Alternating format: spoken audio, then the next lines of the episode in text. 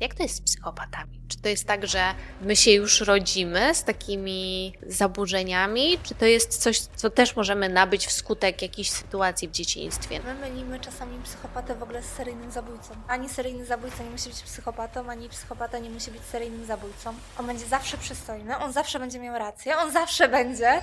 Psychopaci są wśród nas. Od 2 do 4% naszej populacji, pół do 1% są kobiety. Są lekarze, prawnicy. Faktycznie często są skazywane osoby za zabójstwo, w którym nie znaleziono ciała. Nie ma ciała, no to nie ma zbrodni. To jest w ogóle klasyka gatunku. One użyły cały schemat tego zabójstwa. Mówimy często o triadzie McDonalda. Natomiast czy my możemy żyć z tym psychopatą, wiedzieć, że on nie jest psychopatą? No tak. My mamy w Polsce do czynienia z takim prostym schematem zabójstwa. Na 12 przypadków tego zabójstwa w trybie podstawowym 12 sprawców było pod wpływem alkoholu. Zazwyczaj u nas e, zabijają mężczyźni i zazwyczaj ofiarami są naj... Cześć, witam Was bardzo serdecznie w kolejnym odcinku Rozmów w Dresie. Dzisiaj będziemy rozmawiać o kolejnym ciekawym przypadku, nie wiem czy przypadek to jest odpowiednie słowo, zaburzeniu e, osobowości, a mianowicie o psychopatach. Będziemy rozmawiać o zabójstwach. Mm, będzie to bardzo, bardzo ciekawy odcinek, który mam przyjemność poprowadzić z Dianą Brzezińską. Jeżeli ten film Wam się podoba, to bardzo Was proszę dajcie łapkę w górę, subskrybujcie mój kanał, bo to wspiera rozwój tego podcastu, a jeżeli słuchacie mnie na Spotify'u, to dajcie ocenę. Oczywiście w najlepszym wypadku będzie to 5 gwiazdek, ale każde Wasze wsparcie naprawdę znaczy bardzo dużo. A teraz przechodzimy już do odcinka. Diana, bardzo mi miło Ciebie tutaj gościć u mnie w studiu. Mnie również miło było przyjechać. Właściwie przylecieć nawet. No tak, przylecieć, ale bez żadnych opóźnień, kolizji drogowych, także. To dobrze, że się udało. Mm, niedawno przeprowadziłam rozmowę o e, osobowości narcystycznej to jest taki temat, który się dość mocno teraz przewija i w social mediach, i gdzieś tam e, w, w, w telewizji. No i kolejnym, kolejną taką osobowością, o której e, dużo słyszymy, mm, to jest, e, to jest psychopata, osobowość psychopatyczna.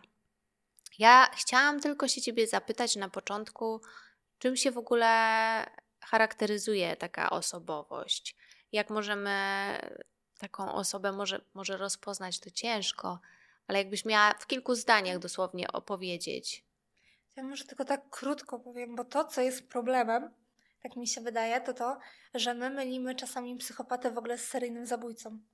Bo to jest faktycznie ten motyw, który my znamy z filmów, książek, seriali, że ten e, psychopata to zawsze będzie seryjny zabójca, on będzie zawsze przystojny, on zawsze będzie miał rację, on zawsze będzie ponad śledczymi i on zawsze będzie nadprzeciętnie inteligentny. No i to jest oczywiście mit, bo ani seryjny zabójca nie musi być psychopatą, ani psychopata nie musi być seryjnym zabójcą. Ba, psychopata, już przechodząc właśnie do tej konstrukcji osobowości, w ogóle nie musi być przestępcą. Bo faktycznie jest tak, że psychopaci mają wpisane gdzieś w tą osobowość, w tych wszystkich wskaźnikach i w DSM-5 i w ICD-11, że oni lekceważą te normy prawne, nie mają problemu a, z tym, żeby ich nie przestrzegać. Tylko kwestia leży gdzie indziej. Psychopaci dążą do tego, a żeby im było dobrze.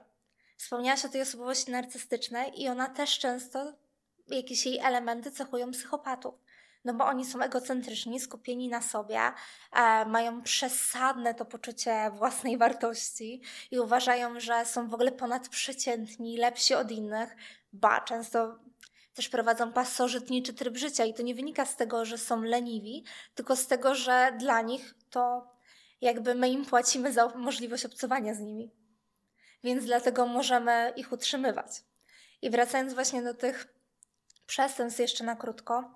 Więc jeżeli psychopata będzie chciał zabić, to on nie będzie patrzył na to, że nie wiem, w naszym kodeksie karnym jest artykuł 148, kto zabija człowieka, go to nie będzie interesować, on po prostu pójdzie i zabije. Ale to nie jest tak, że psychopata rodzi się z tym, że chce zabić inną osobę, tylko psychopaci są wśród nas. To jest od 2 do 4% naszej populacji badania różnie wskazują. Wskazuje się, że od 2 do 3% są mężczyźni i pół do 1% są kobiety. A w zależności, gdzie nie zerkniesz na te badania.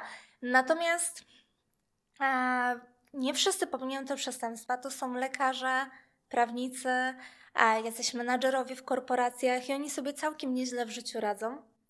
I załóżmy, że taki lekarz, który ma osobowość psychopatyczną, jest psychopatą, chce sobie postawić klinikę chirurgii plastycznej. To on nie będzie chciał kogoś zabić, bo on chce być najlepszy i chce, żeby ta jego klinika była najlepsza. No to szybciej pozbędzie się swojej konkurencji i tu ujawni się ta jego osobowość psychopatyczna. Więc warto odejść od tego mitu i zdać sobie sprawę, że psychopatę możemy spotkać na ulicy. I jest większe prawdopodobieństwo, że spotkamy psychopatę niż seryjnego zabójcę. To jest bardzo ciekawe, znaczy to jest o tyle ciekawe, co teraz powiedziałaś, że to było właściwie moje kolejne pytanie, e, że na, na które odpowiedziałaś, że często jest pewnie tak właśnie, że psychopata niekoniecznie jest seryjnym mordercą i niekoniecznie seryjny morderca jest psychopatą.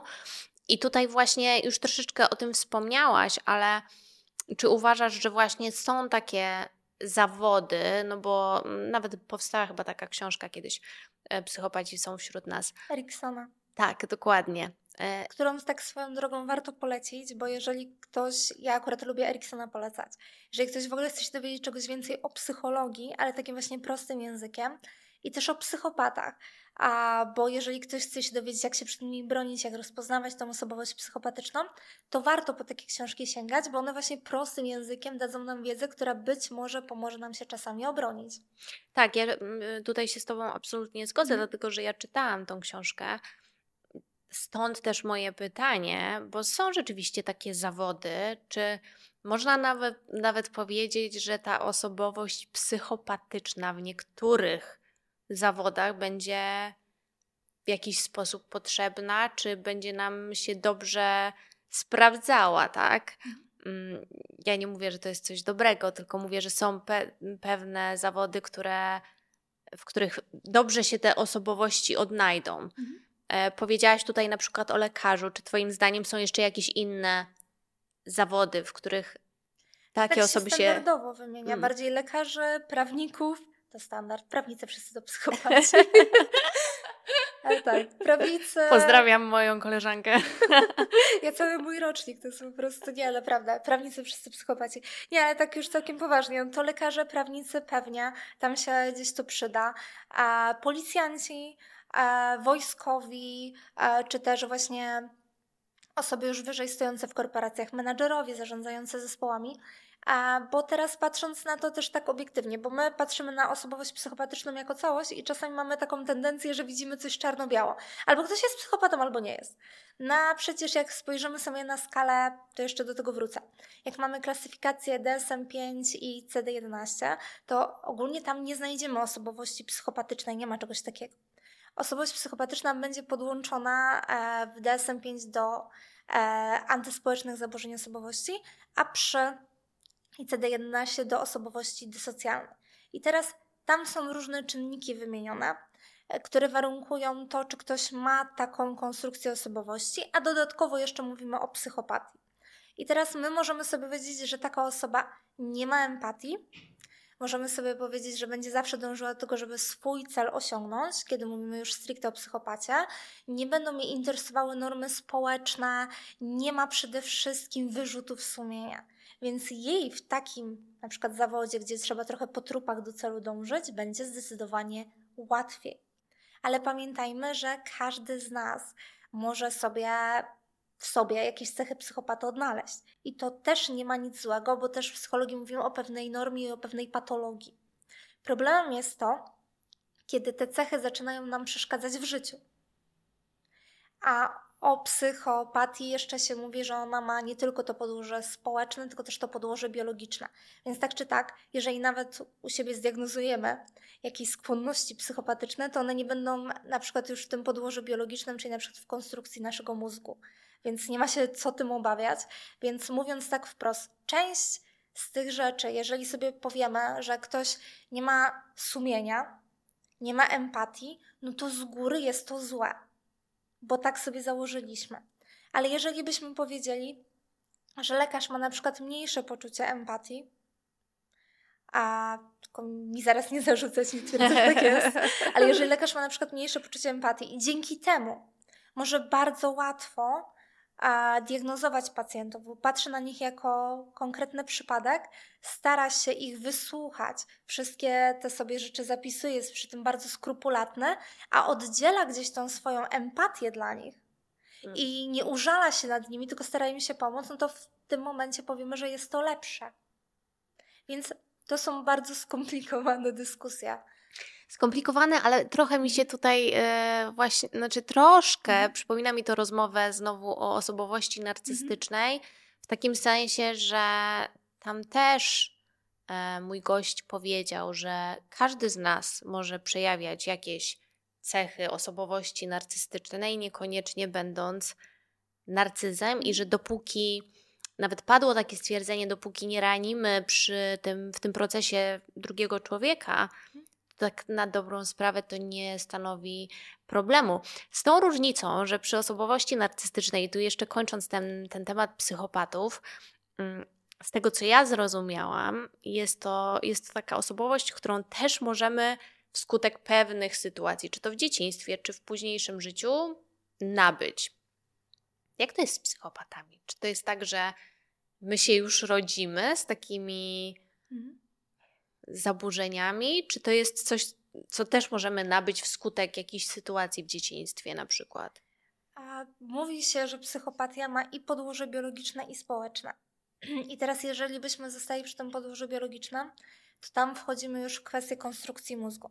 No bo a przede wszystkim psychopata nie ma tej empatii nie odczuwa też innych emocji i to się skądś bierze. To się bierze z tego, że jego mózg działa trochę inaczej niż nasz. Znaczy nasz. Zakładając, że żadna z nas jest psychopatką. Więc zakładając, to ten mózg będzie działał jego inaczej. I to też ma podłoże genetyczne częściowo.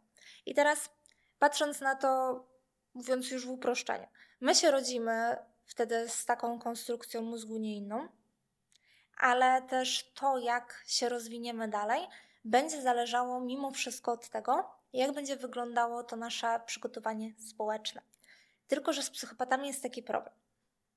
Jeżeli weźmiemy rodzinę dysfunkcyjną, gdzie będzie jakaś zaburzona rola matki czy też ojca, pojawi się tam przemoc i pojawi się też tam um, złe kształtowanie prospołecznych zachowań, to ten psychopata będzie wyrastał w tym środowisku, dodając jego skłonności, to on będzie się uczył tego, jak ma funkcjonować na podstawie tego, co widzi. Więc on z gruntu wtedy będzie mu bardzo ciężko już a, przyswoić nasze te dobre, prospołeczne zachowania. Ale problem właśnie z psychopatą jest taki, że nawet osoba, która wychowuje się w niedysfunkcyjnej rodzinie, gdzie ma tych rodziców opiekuńczych, czy też właśnie kształtujących prawidłowe te postawy prospołeczne, a niestety też może zboczyć na tą złą ścieżkę. I nie ma tutaj takiej prostej reguły. A też wracając na przykład na chwilę do seryjnych zabójców, jest tak, że mówimy często o triadzie McDonalda. Tam się pojawia enureza, to moczenie się w nocy i to nie w wieku dziecięcym, tylko już w wieku późniejszym, a pojawia się okrucieństwo wobec zwierząt, pojawia się też e, podpalenia, Ogólnie możemy też powiedzieć, że ta osoba, kiedy się rozwija, no to właśnie ma też trochę to zaburzone poczucie empatii, a czy też pojawiają się jakieś impulsywne zachowania, na przykład uderzenie kogoś i sprowadzenie go do parteru, powiedzmy, nie będzie żadnym problemem. Tylko, że teraz ta triada występuje u seryjnych zabójców, ale nie u każdego. Okej. Okay. I znowu, wystąpienie takiej triady, a ona często może się pojawić też w przypadku właśnie osobowości psychopatycznej, Znowu, to nie jest sygnał, że o Jezu, urodził się nam seryjny zabójca i on w wieku 14 lat pójdzie i kogoś zabije, tylko to jest sygnał, że mamy do czynienia z rozwojem osobowości w jakiś sposób patologicznej, antyspołecznej i to jest ten moment, że wypadałoby się tym zainteresować. I faktycznie przy seryjnych zabójcach się bardzo często zwraca na to uwagę, no bo to dzieciństwo też w jakiś sposób ich kształtuje i też to środowisko, w jakim przebywają. Natomiast problem właśnie z psychopatami jest taki, że mimo tego pozytywnego wpływu środowiska, zakładając, że on jest, i tak mogą nie wykształcić tych prawidłowych wzorców, ponieważ oni mają problem, no nie mają tej empatii, nie mają wyrzutów sumienia, więc mają też problem z nawiązywaniem tych relacji międzyludzkich i rozumieniem, odczuwaniem, co ta druga osoba czuje, co myśli. Oni są przez to też skupieni na sobie i zamknięci w takiej swojej bańce. To jest strasznie fascynujące, e, co mówisz. W ogóle sposób, w jaki mózg funkcjonuje, nie tylko w kontekście osobowości psychopatycznej, ale generalnie, jak bardzo możemy się też od siebie różnić. Jak oglądamy te takie wszystkie amerykańskie filmy o e, seryjnych zabójcach, to tam bardzo często pojawia się ten e, syndrom e, McDo- McDonalda, dobrze mówię? Triada. Triada McDonalda. Tak, rzeczywiście tam w większości tych filmów, jak poznajemy gdzieś to dzieciństwo czy przeszłość tego seryjnego zabójstwa, e, zabójcy, to to się gdzieś tam, gdzieś tam pojawia. Ty się specjalizujesz i, i gdzieś tam badasz te, te polskie przypadki, e, polskie e, morderstwa, zabójstwa. Czy jest jakiś taki, jest jaka, jakieś takie zabójstwo, taka sprawa, która na tobie zrobiła największe wrażenie, na której najbardziej byłaś skupiona? A wiesz co, tak, ale powiem może inaczej, bo żeby to też nie wywołało tego, że mamy tylko takie sprawy w Polsce. to powiedzmy sobie może od tego zacznę, że my mamy w Polsce do czynienia z takim prostym schematem zabójstwa. Ogólnie rocznie dochodzi do około 600 zabójstw. W 2021 roku, jeżeli pamięć nie myli, było ich 625, więc ta tendencja powiedzmy się utrzymuje, że to jest około tych 600 zabójstw rocznie. I teraz my nie mamy dużo seryjnych zabójców. O psychopatach to już w ogóle nie będę wspominać w tym temacie. Zazwyczaj u nas e, zabijają mężczyźni statystycznie i zazwyczaj ofiarami są najpierw mężczyźni, potem jest taki prosty schemat: mężczyzna zabija mężczyznę, potem mężczyzna zabija kobietę, kobieta zabija mężczyznę i kobieta na końcu zabija kobietę. To jest ten taki schemat pod kątem ilości tych zabójstw. Takie największe badania w Polsce przeprowadził dr Gawliński i właśnie one też wykazały dosyć e, interesujący ten schemat polskiego zabójstwa. Zazwyczaj do zabójstw dochodzi podczas libacji alkoholowych, a ten alkohol jest takim w Polsce czynnikiem kryminogennym. I znowu, nie każda osoba, która pije alkohol, no to będzie zabijała. To tak nie działa. Natomiast faktycznie alkohol w dużej ilości, czy też przyjmowany regularnie przez długi czas, on obniża nasze zahamowanie no, moralne, e, sprawia, że jesteśmy coraz bardziej drażliwi, a łatwiej nam wpaść w gniew. No i to niestety często jest takim przyczynkiem do zabójstw. Jak analizowałam sprawy zabójstwa z jednego roku z okręgu szczecińskiego, to mi tam wyszło, że na 12 przypadków tego zabójstwa w typie podstawowym 12 sprawców było pod wpływem alkoholu, 10 ofiar było pod wpływem alkoholu oh wow. na 12 przypadków, z czego 10 ofiar spożywało alkohol wspólnie ze sprawcą. Więc faktycznie jest tak, że ta tendencja, czy też okręgu szczecińskim, o której mówię, czy też w całej Polsce, co badał dr Gawliński, ona się powtarza. Niestety e, podczas libacji alkoholowych, gdzie puszczałem te zahamowania, pojawiają się jakieś zaszłe konflikty, które rastają do jakiejś ogromnej rangi, a dochodzi do tych zabójstw. No i przez to ciężko jest też wskazać taki motyw polskiego zabójstwa. No mówimy głównie o tym, że to są jakieś kłótnie, awantury, no ale właśnie w podłożu mamy ten alkohol. Najczęściej też a zabijamy osoby, które znamy, no bo to one nas irytują. A znaczy, mówiąc oględnie, ale faktycznie tak jest, dlatego no najwięcej zabójstw jest pomiędzy partnerami, małżonkami, konkubentami, a tych zabójstw jest bardzo dużo, no bo ta druga osoba, z którą mieszkamy, najbardziej nas irytuje. Do tego mamy jeszcze zabójstwa gdzieś pomiędzy znajomymi, którzy właśnie się spotykają i raczej są to osoby znajome statystycznie po prostu na to patrząc. I przede wszystkim mamy te zabójstwa proste. Zazwyczaj sprawca sięga po nóż i zadaje ranę kłutą, prostą poprzez wbicie noża w ciało. A to jest tak statystycznie ten obraz polskiego zabójstwa, bo oczywiście można znaleźć inne sprawy, ale ja też czasami nie lubię, jak my szukamy takiej sensacji, po hmm. prostu gdzieś w podcastach kryminalnych, bo potem wychodzi na to, że w Polsce są sami seryjni zabójcy, wszyscy, nie wiem, betonują zwłoki i tak dalej. No, jest to zupełnie inny schemat. Też zresztą właśnie te badania doktora Gawlińskiego wykazały, że kiedy sprawca planuje zabójstwo, to często już nie planuje, co zrobić z ciałem. Natomiast kiedy sprawca, no właśnie, to planowanie obejmuje co? zabicie ofiary. To były bardzo szokujące badania pod tym kątem, no bo nam się wydaje, że planuje się coś od A do Z. No nie. Przy zabójstwie sprawcy raczej planują to do momentu zabójstwa ofiary. Natomiast kiedy mamy te nieplanowane zabójstwa, to sprawcy podejmują się ukrycia zwłok, ale zazwyczaj też jest to proste ukrycie zwłok, jakieś zakopanie, położenie zwłok w piwnicy, wrzucenie do jakiegoś zbiornika wodnego, więc to są też te proste. No i przechodząc dopiero teraz do Twojego mhm. pytania, bo też nie chciałam, żeby ta sprawa, która Oczywiście. mnie zainteresowała, wyszła, że jest e, taka sprawa każda. Standardową. tak. To ja akurat mam tak, że właśnie nie szukam tej sensacji, tylko szukam takich albo drugiego dna w sprawie, albo takich spraw mniej typowych. Właśnie z doktorem Gawlińskim na przykład analizowaliśmy razem te zbrodnie bez ciał, które są zdecydowanie mniej typowe, ale też przy okazji swoich badań ja analizowałam takie sytuacje, w których to ofiara inicjowała genezę przestępstwa, czyli to ofiara chciała umrzeć. Okay. I pamiętam taką sytuację, taką sprawę bardzo długo, zresztą tak ta czytałam i analizowałam, że dwie nastolatki dogadały się, że jedna zabije drugą.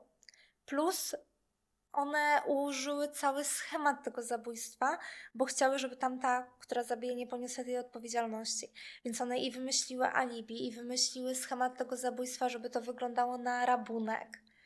I nie dość, że to było szokujące przez to, że to były dwie dziewczyny tak naprawdę, no, nieletnie, hmm. to jeszcze dodatkowo ta kwestia całej tej otoczki, że one sprawdzały, gdzie są kamery monitoringu, gdzie mogą to zrobić, a to było naprawdę w ich mniemaniu bardzo mocno zaplanowane.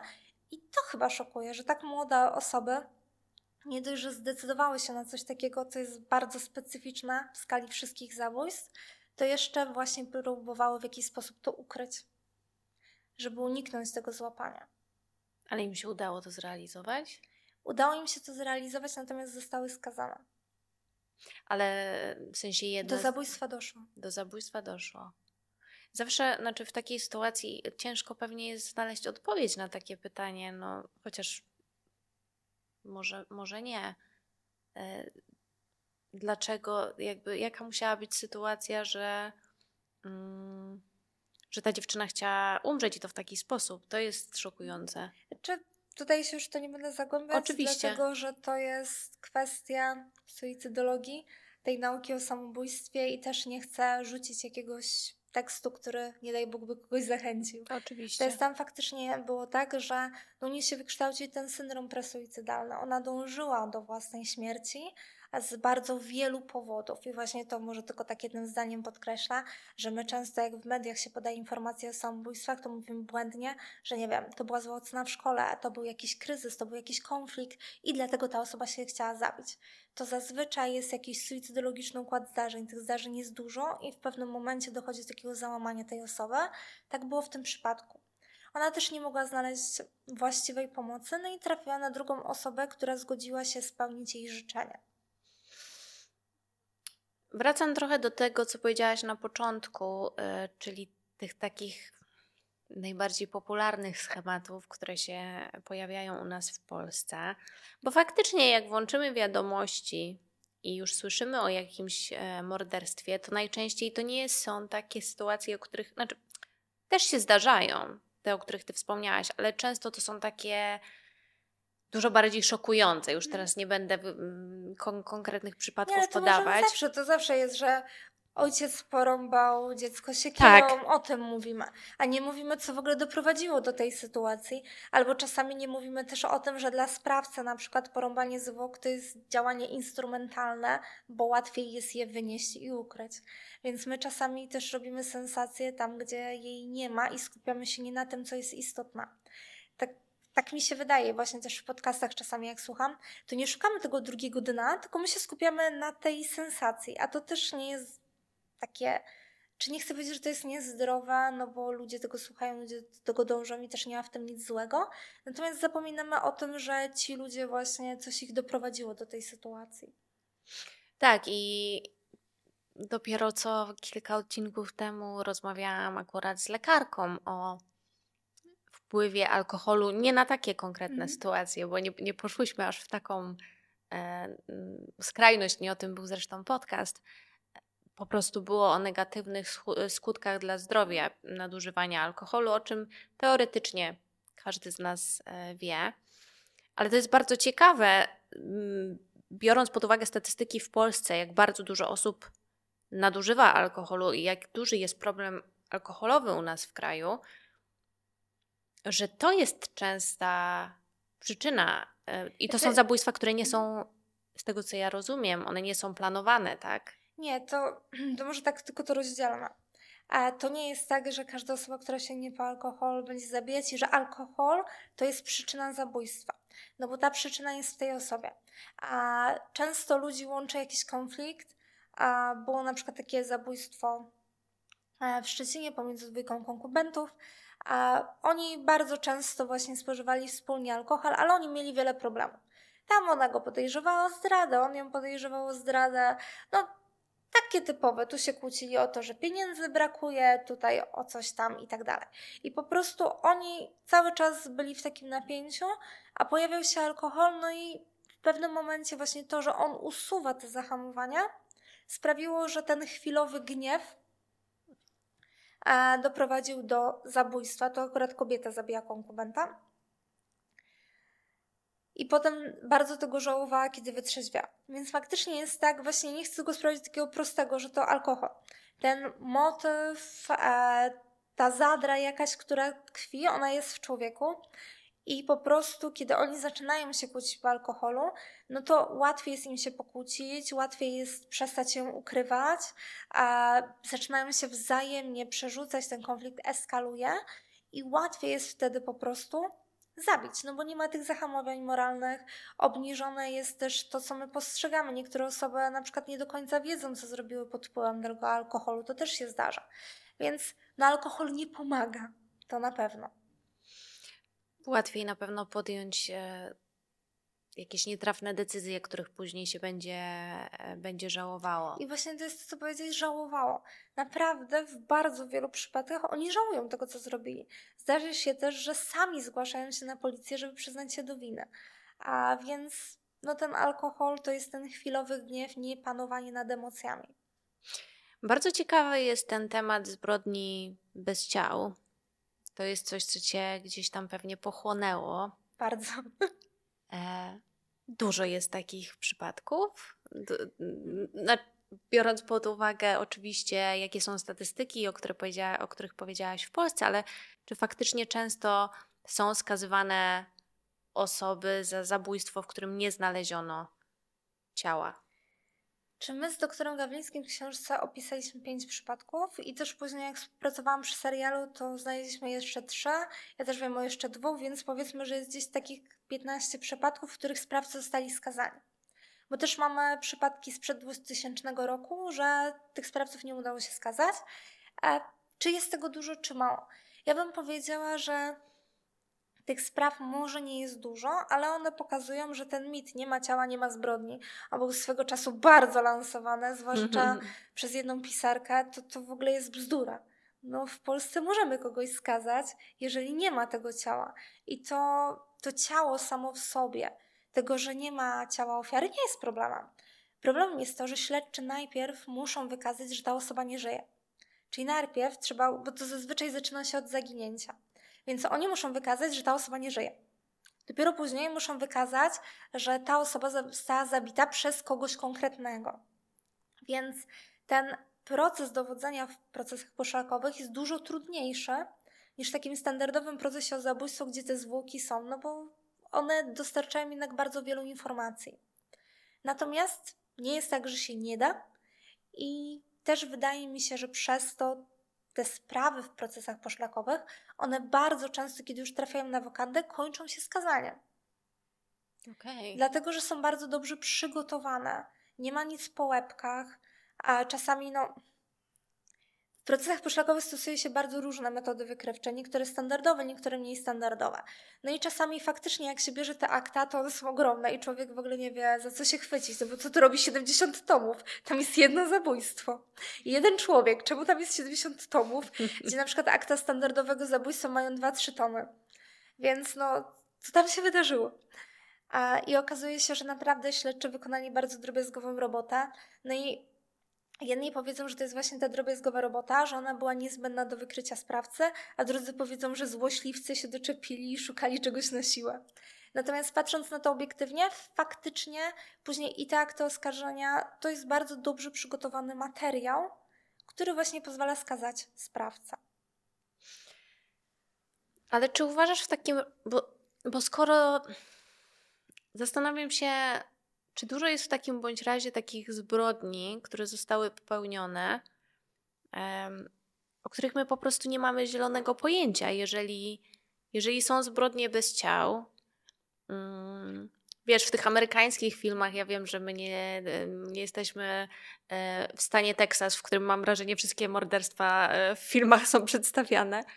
E, ale ci seryjni mordercy, czy, czy w ogóle zabójcy potrafią latami chodzić jakby na wolności i nie zostać skazani.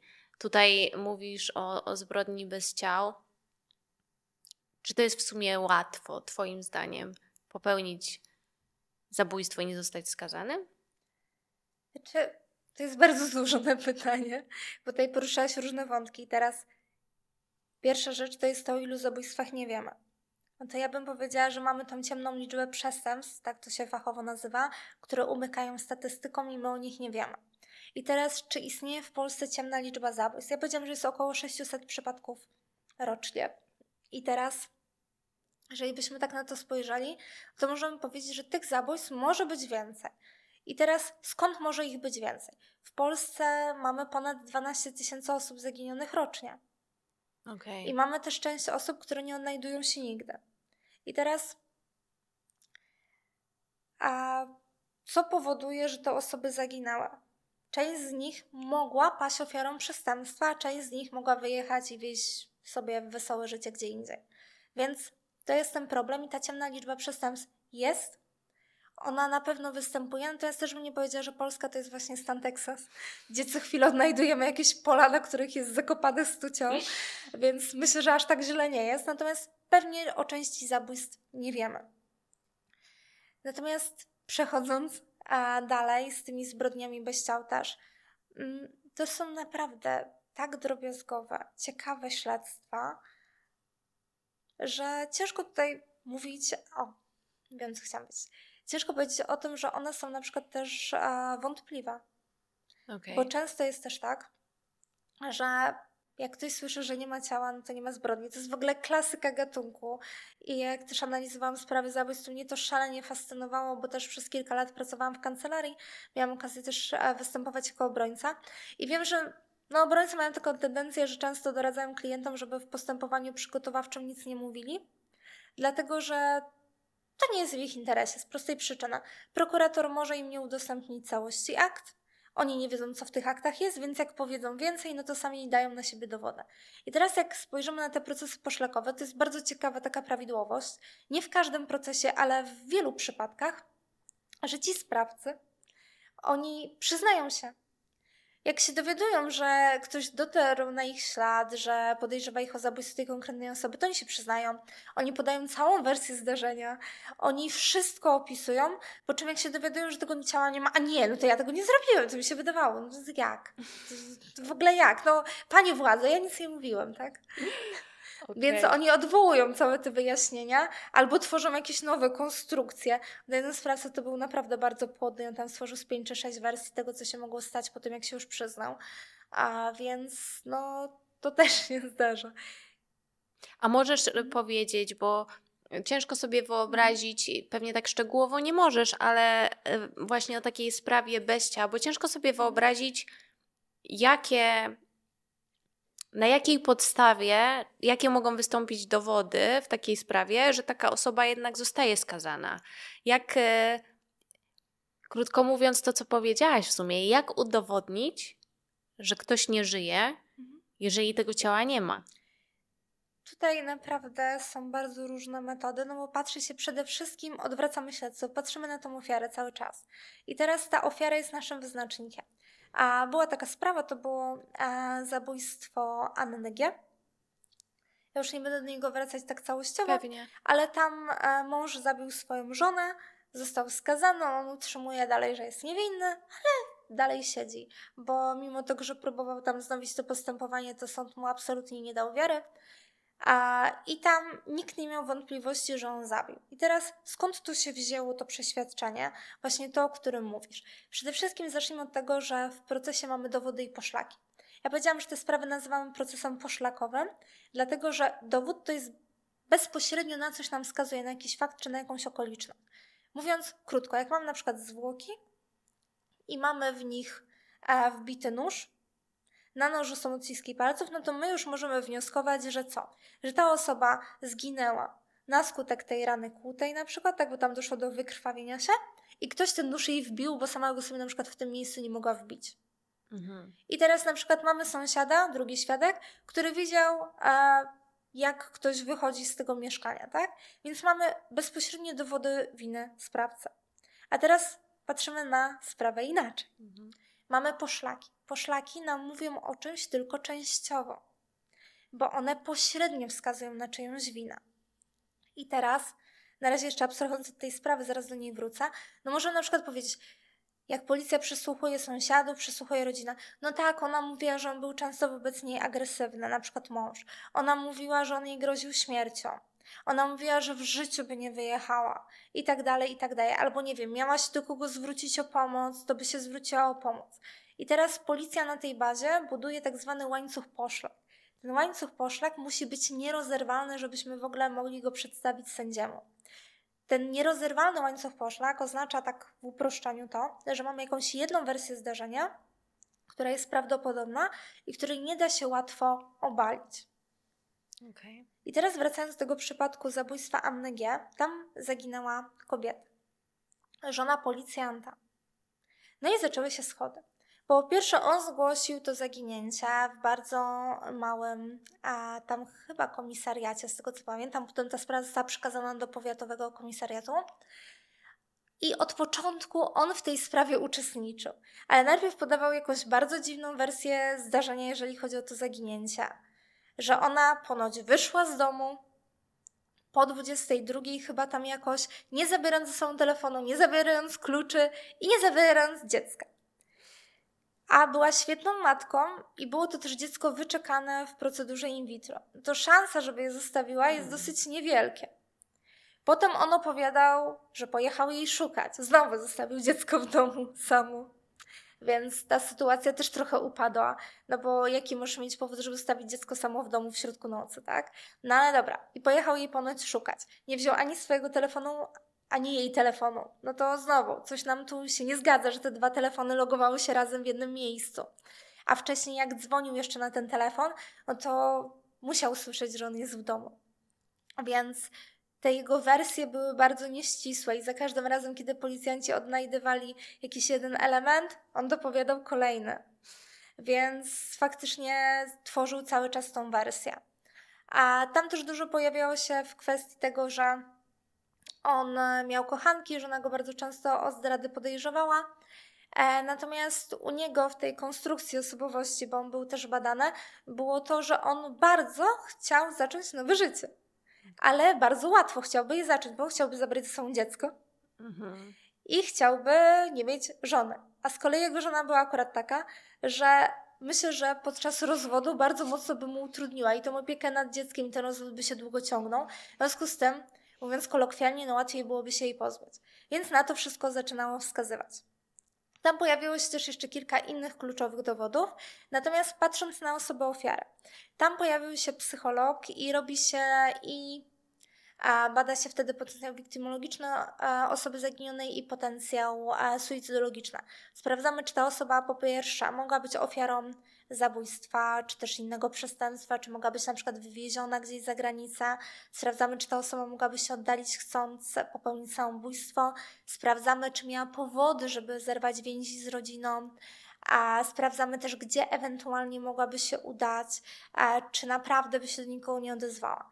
No i wracając do ofiary w tej konkretnej sprawie, to ona po pierwsze nie miała, potenc- nie miała żadnego powodu, żeby chcieć popełnić samobójstwo, nigdy o tym nie wspominała. A nie miała powodu, żeby stać się ofiarą przestępstwa, dlatego że a nie wychodziła z domu w jakichś tam późnych godzinach, nie miała niebezpiecznej pracy. A też, no właśnie, kolejny punkt, była bardzo zaangażowana w swoją pracę, więc nie mogłaby zniknąć, nie mówiąc szefowi, gdzie jest. Mhm. Też tam był taki wątek, że ona była bardzo blisko związana ze swoją matką, a nagle przestała się do niej odzywać. No dlaczego przestała się do niej odzywać, skoro dzwoniła do niej nawet dwa razy dziennie, tak? Zostawiła dziecko, kolejny wątek. A tam było ich jeszcze dużo. No i właśnie tak krok po kroku udało mi się udowodnić, że bardzo mało prawdopodobne, żeby ona zaginęła. Raczej prawdopodobne jest to, że została zabita. No a właśnie jej mąż był tym najprawdopodobniejszym sprawcą. Więc mówię, tych dowodów tam było bardzo dużo w tej sprawie, to było bardzo drobiazgowe śledztwo, ale właśnie przytaczając tak pokrótce. Śledczy są w stanie wykazać, że dana osoba nie zaginęła. Mhm. Tylko to jest właśnie bardzo trudna, drobiazgowa praca i wymaga też często właśnie współpracy psychologów. Bo ten psycholog pojawia się po dwóch stronach. Z jednej strony on może właśnie sprofilować tego męża w tym akurat przypadku, sprawdzić, co tam jest w tej jego osobowości, tu akurat a, była ta psychopatia występowała. A z drugiej strony psycholog bardzo jest przydatny właśnie przy profilowaniu osób zaginionych, bo on nam może w dużej mierze wyjaśnić, co się z tą osobą stało. Tutaj mówisz, że ta psychopatia została wykazana, a mówiłaś chyba mm, na początku teraz, żebym nie skłamała, że to jest od 2 do 4% tak. populacji. A czy może być, to, to jest tylko pewnie taka mm, hipoteza, ale czy może być tak, że po prostu te osoby się bardzo dobrze też ukrywają i dobrze funkcjonują jednak w społeczeństwie? Ale oczywiście. I możemy tak. sobie zupełnie nie zdawać sprawy, że e, jak to ta książka y, mówi, psychopaci są wśród nas. Psychopaci są wśród nas, ale niekoniecznie my o tym wiemy. To można byłoby dodać. Natomiast ja też mam ostatnio takie e, wrażenie, jak czasami wchodzę na jakieś fora dla kobiet, czy czasami jak czytam jakieś artykuły, to ja naprawdę mam wrażenie, że tych narcyzów czy psychopatów to jest 100% wokół nas i wszyscy są płci męskiej. A to też nie jest prawda, e, bo w, praktycznie w każdym artykule mamy jakąś taką ostatnią tendencję tak. ciekawą, jako społeczeństwo, nie dość, że diagnozujemy siebie sami, ale to już nam się znudziło, więc jeszcze diagnozujemy innych, a jeszcze nawet diagnozujemy ich nie znając, tylko czytając czyjś opis w internecie. To jest w ogóle przezabawna sytuacja. Więc patrząc na to, że bardzo ciężko jest diagnozować psychopatię i też musi być minimalna współpraca, chociaż po stronie tej a, drugiej osoby, no że chociaż się odezwie, no bo Oczywiście. jak inaczej. A, chyba, że ten mózg prześwietlimy, ale to też nie jest jedyny wyznacznik więc no, ciężko go zdiagnozować przez forum internetowe i przez opis innej osoby. Natomiast czy my możemy żyć z tym psychopatą, wiedzieć, że on nie jest psychopatą? No tak. To tak samo jak możemy żyć z seryjnym zabójcą, nie wiedzieć, że on jest seryjnym zabójcą. Chyba dobrym przykładem tego jest serial Dexter. On tam oczywiście można się czepiać, ale on tak pod kątem takiego pokazywania, jak funkcjonuje psychopata i jak się też dobrze maskuje, no to jest idealne. Przecież to był e, Ciamajda od pączków i od badania śladów krwi, a to on zabijał, więc jakby no to chyba najlepiej pokazuje, jak ten psychopata potrafi się wtopić w to otoczenie. Więc czemu nie? A też kobiety, jak spotykają psychopatów, a też jest im niezwykle ciężko, no bo umówmy się, nagle się pojawia mężczyzna, zwłaszcza te kobiety, które są znudzone już randkowaniem, nagle pojawia się mężczyzna, zazwyczaj w miarę atrakcyjny, a do tego inteligentny i przede wszystkim w 100% jest skupiony na niej. Mm. Jest skupiony na niej. Mówi jej to, co ona chce usłyszeć. Czyli inaczej niż narcyz taki stuprocentowy. Tak, tu jest troszeczkę inaczej, no bo psychopata, aczkolwiek narcyz też do pewnego momentu mimo wszystko, a chce ją do siebie zwabić. Mm. No to kobiety się nie da zwabić mówiąc cały czas o sobie, no bo to nie tędy droga, trzeba mówić o kobiecie. No same wiemy, jakie jesteśmy, lubimy słuchać komplementów. Więc faktycznie, jeżeli nagle mężczyzna jest cały czas zafiksowany na punkcie tej kobiety, on cały czas ją wypytuje o to, co u niej, o jakieś jej e, zdarzenia z przeszłości, jej relacje z innymi, no to chce się dowiedzieć o niej wszystkiego. To wręcz czasami jest takie prześwietlenie, a sam nie mówi o sobie praktycznie nic. Mm. Dodatkowo jeszcze poświęca jej praktycznie cały swój czas, dba o nią i właśnie to, co powiedziałam wcześniej, mówi jej to, co chce usłyszeć. No to są idealni manipulatorzy i kłamcy. Więc kobieta może w to bardzo łatwo wpaść, zwłaszcza jeżeli wcześniej się nie spotkała z psychopatią, z psychopatą, nie ma takiego filtru też, albo nie doświadczyła narcyza czy czegoś innego, nie ma takiego filtru, że no zaraz, jak ktoś mi mówi tyle tych komplementów, to może coś jest nie tak, halo? Albo jeżeli ktoś ma dla mnie czas na zawołanie i nie ma innych swoich pasji czy czegoś innego, to może też coś jest nie tak. Nie zapala jej się żadna lampka w głowie i na przykład nie zauważy, że on ją zaczyna powoli odcinać od rodziny, od znajomych i dąży do tego, żeby zbudować ten związek po swojemu. I tu już spada mu ta maska i niekoniecznie jest już tak bardzo nią zainteresowany. Często może się ujawnić ten jego pasożytniczy tryb życia, bo możliwe, że chciał zwabić tą kobietę tylko po to, żeby móc u niej mieszkać na jej koszt, bo to też się przecież zdarza. Więc bardzo ciężko jest powiedzieć, że możemy tak sobie z marszu rozpoznać psychopata. My mówimy, że ktoś ma skłonności psychopatyczne, mówimy, że zachowujesz się jak psychopata, no ale to nie znaczy, że u kogoś zdiagnozowaliśmy psychopatię. To nie, to nie w tym kierunku. Tak, ja chciałam trochę nawiązać e, do tego, co ty powiedziałaś na początku, co ja wrzuciłam nawet u siebie na story wczoraj czy przedwczoraj po publikacji odcinka o e, osobowości narcystycznej żebyśmy jednak bardzo mocno my uważali z samodiagnozowaniem siebie czy innych i że jednak nawet jeżeli podejrzewamy, że ktoś ma skłonności narcystyczne czy tym bardziej psychopatyczne, to jednak dalej diagnoza tutaj y, jest dla psychoterapeuty albo innego specjalisty, bo, bo ja się absolutnie zgadzam z tym, co ty powiedziałaś, że jak teraz szczególnie się y, wejdzie gdzieś, nie wiem, na Instagram czy inne social media, to naprawdę ma się wrażenie, że co druga osoba jest narcyzem. E, tak. Coś, czego e, nie doświadczaliśmy wcześniej, albo nie było tego tak, nie było to tak popularne, żeby o tym tak mówić, więc tutaj masz 100% racji. Ja bym bardzo chciała z tym, e, z tym uważać. Mi się drugi taki serial rzuca na, na myśl. Ty wspomniałaś o Dexterze, ale też Jeffrey Dahmer, który był mm, niedawno opublikowany. Mm, dla nas oglądających, myślę, bardzo szokujące. Szokujące też, że można tak żyć i, nie zostać złapanym.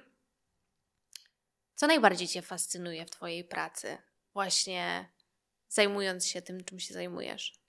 I najbardziej naprawdę fascynuje szukanie tego drugiego dna.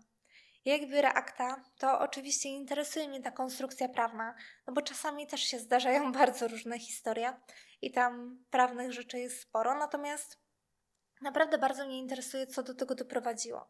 Też dlatego mnie te zbrodnie by chciał bardzo zainteresowały, no bo tam bardzo mocno musimy skupić się na ofierze, na tym, co łączyło ją ze sprawcą, żeby w ogóle dowieść do tego, a że to zabójstwo faktycznie mogło mieć miejsce.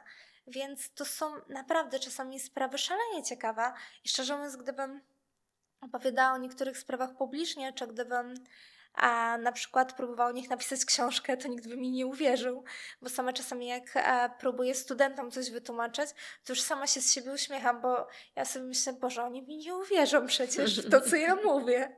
A ja to przecież przeczytałam w aktach, tak było, ja nie kłamię. A, bo to są naprawdę hollywoodzkie historie. No, wracając do zbrodni byścią, to mamy sprawę e, Mariusza B., który zabił cztery osoby. Czterech ciał nie było. I tam była naprawdę w ogóle historia, to Hollywood by w nią nie uwierzyło, bo to jak doszło do tych zabójstw, to jest w ogóle szalenie intrygujące, bo to był taki cały, naprawdę ciężko powiązany ze sobą ciąg zdarzeń, a i tak został skazany. I to został skazany jeszcze przez sędziego Tuleja. On jest taki znany bardziej teraz w mediach, ale przede wszystkim to jest świetnym karnistą. I on tam zresztą pisał, to był dla mnie szalenie ciekawy wyrok, że tutaj nie mówimy o procesie poszlakowym. Co z tego, że nie ma tych zwłok, jak my wiemy, co się wydarzyło, bo jesteśmy to w stanie krok po kroku sobie ułożyć bez żadnych wątpliwości. A więc to są ciekawe sprawy.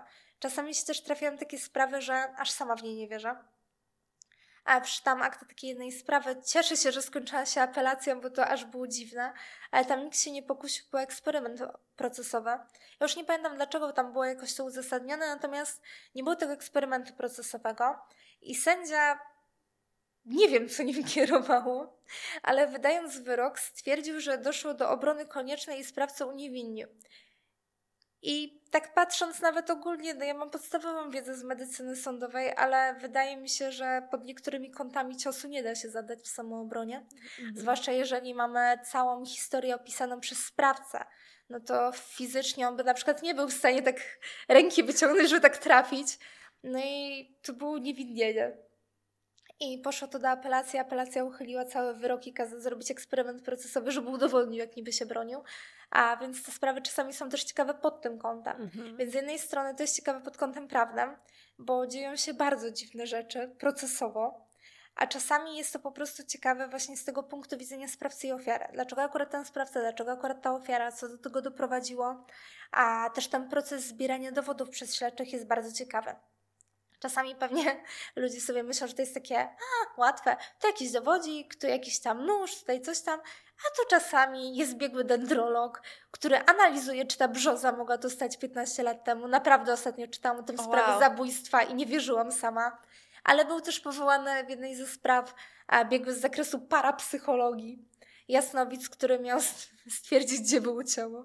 A więc to było naprawdę to ci biegli też, powiem tak, czasami śledczy mają ciekawe pomysły. Więc te sprawy naprawdę są ciekawe. Czy to są takie rzeczy, o których między innymi, bo nie mówię, że o wszystkich, możemy przeczytać w Twojej książce? Jeżeli chodzi o zbrodnię bez ciał, to razem pisaliśmy o tym z doktorem Gawlińskim i tam właśnie i sprawa Mariusza B. i tego Marka G. jest bardzo dobrze opisana i szczerze mówiąc... E, Zachęcam, bo jest to dobre źródło informacji. Wiem, co napisaliśmy, wiem, że mieliśmy akta e, i wiem, co tam jest. Bo niestety akurat o zbrodniach bez ciał to czasami ludzie sensacyjnie chwytali temat i też nie zawsze akurat e, to było dobrze opisane. Teraz jeżeli chodzi o moje powieści, e, to wykorzystuję tą wiedzę staram się gdzieś ją tam przemycać. Czasami przemycują jej trochę więcej, czasami trochę mniej, no bo wiadomo, że książka rządzi się swoimi prawami. Jakbym opisała prawdziwy proces karny, to wszyscy by posnali, bo to nie jest aż takie ciekawe, więc trzeba tam trochę pozmieniać. Ja w takim bądź razie po pierwsze dziękuję Ci bardzo za rozmowę. Ja również się świetnie bawiłam. Po drugie zapraszam wszystkich słuchających do przeczytania e, czy to Zbrodnia bez ciał, czy to Twoich innych książek.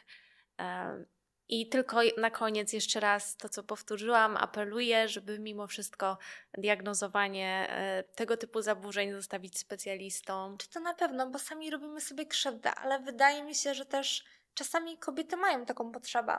Dlatego, że jeżeli została oszukana, no to ona chce wiedzieć dlaczego. I ciężko jej przyjąć do wiadomości, że na przykład została oszukana dlatego, że jest naiwna. Czasami powiedzmy sobie to szczerze.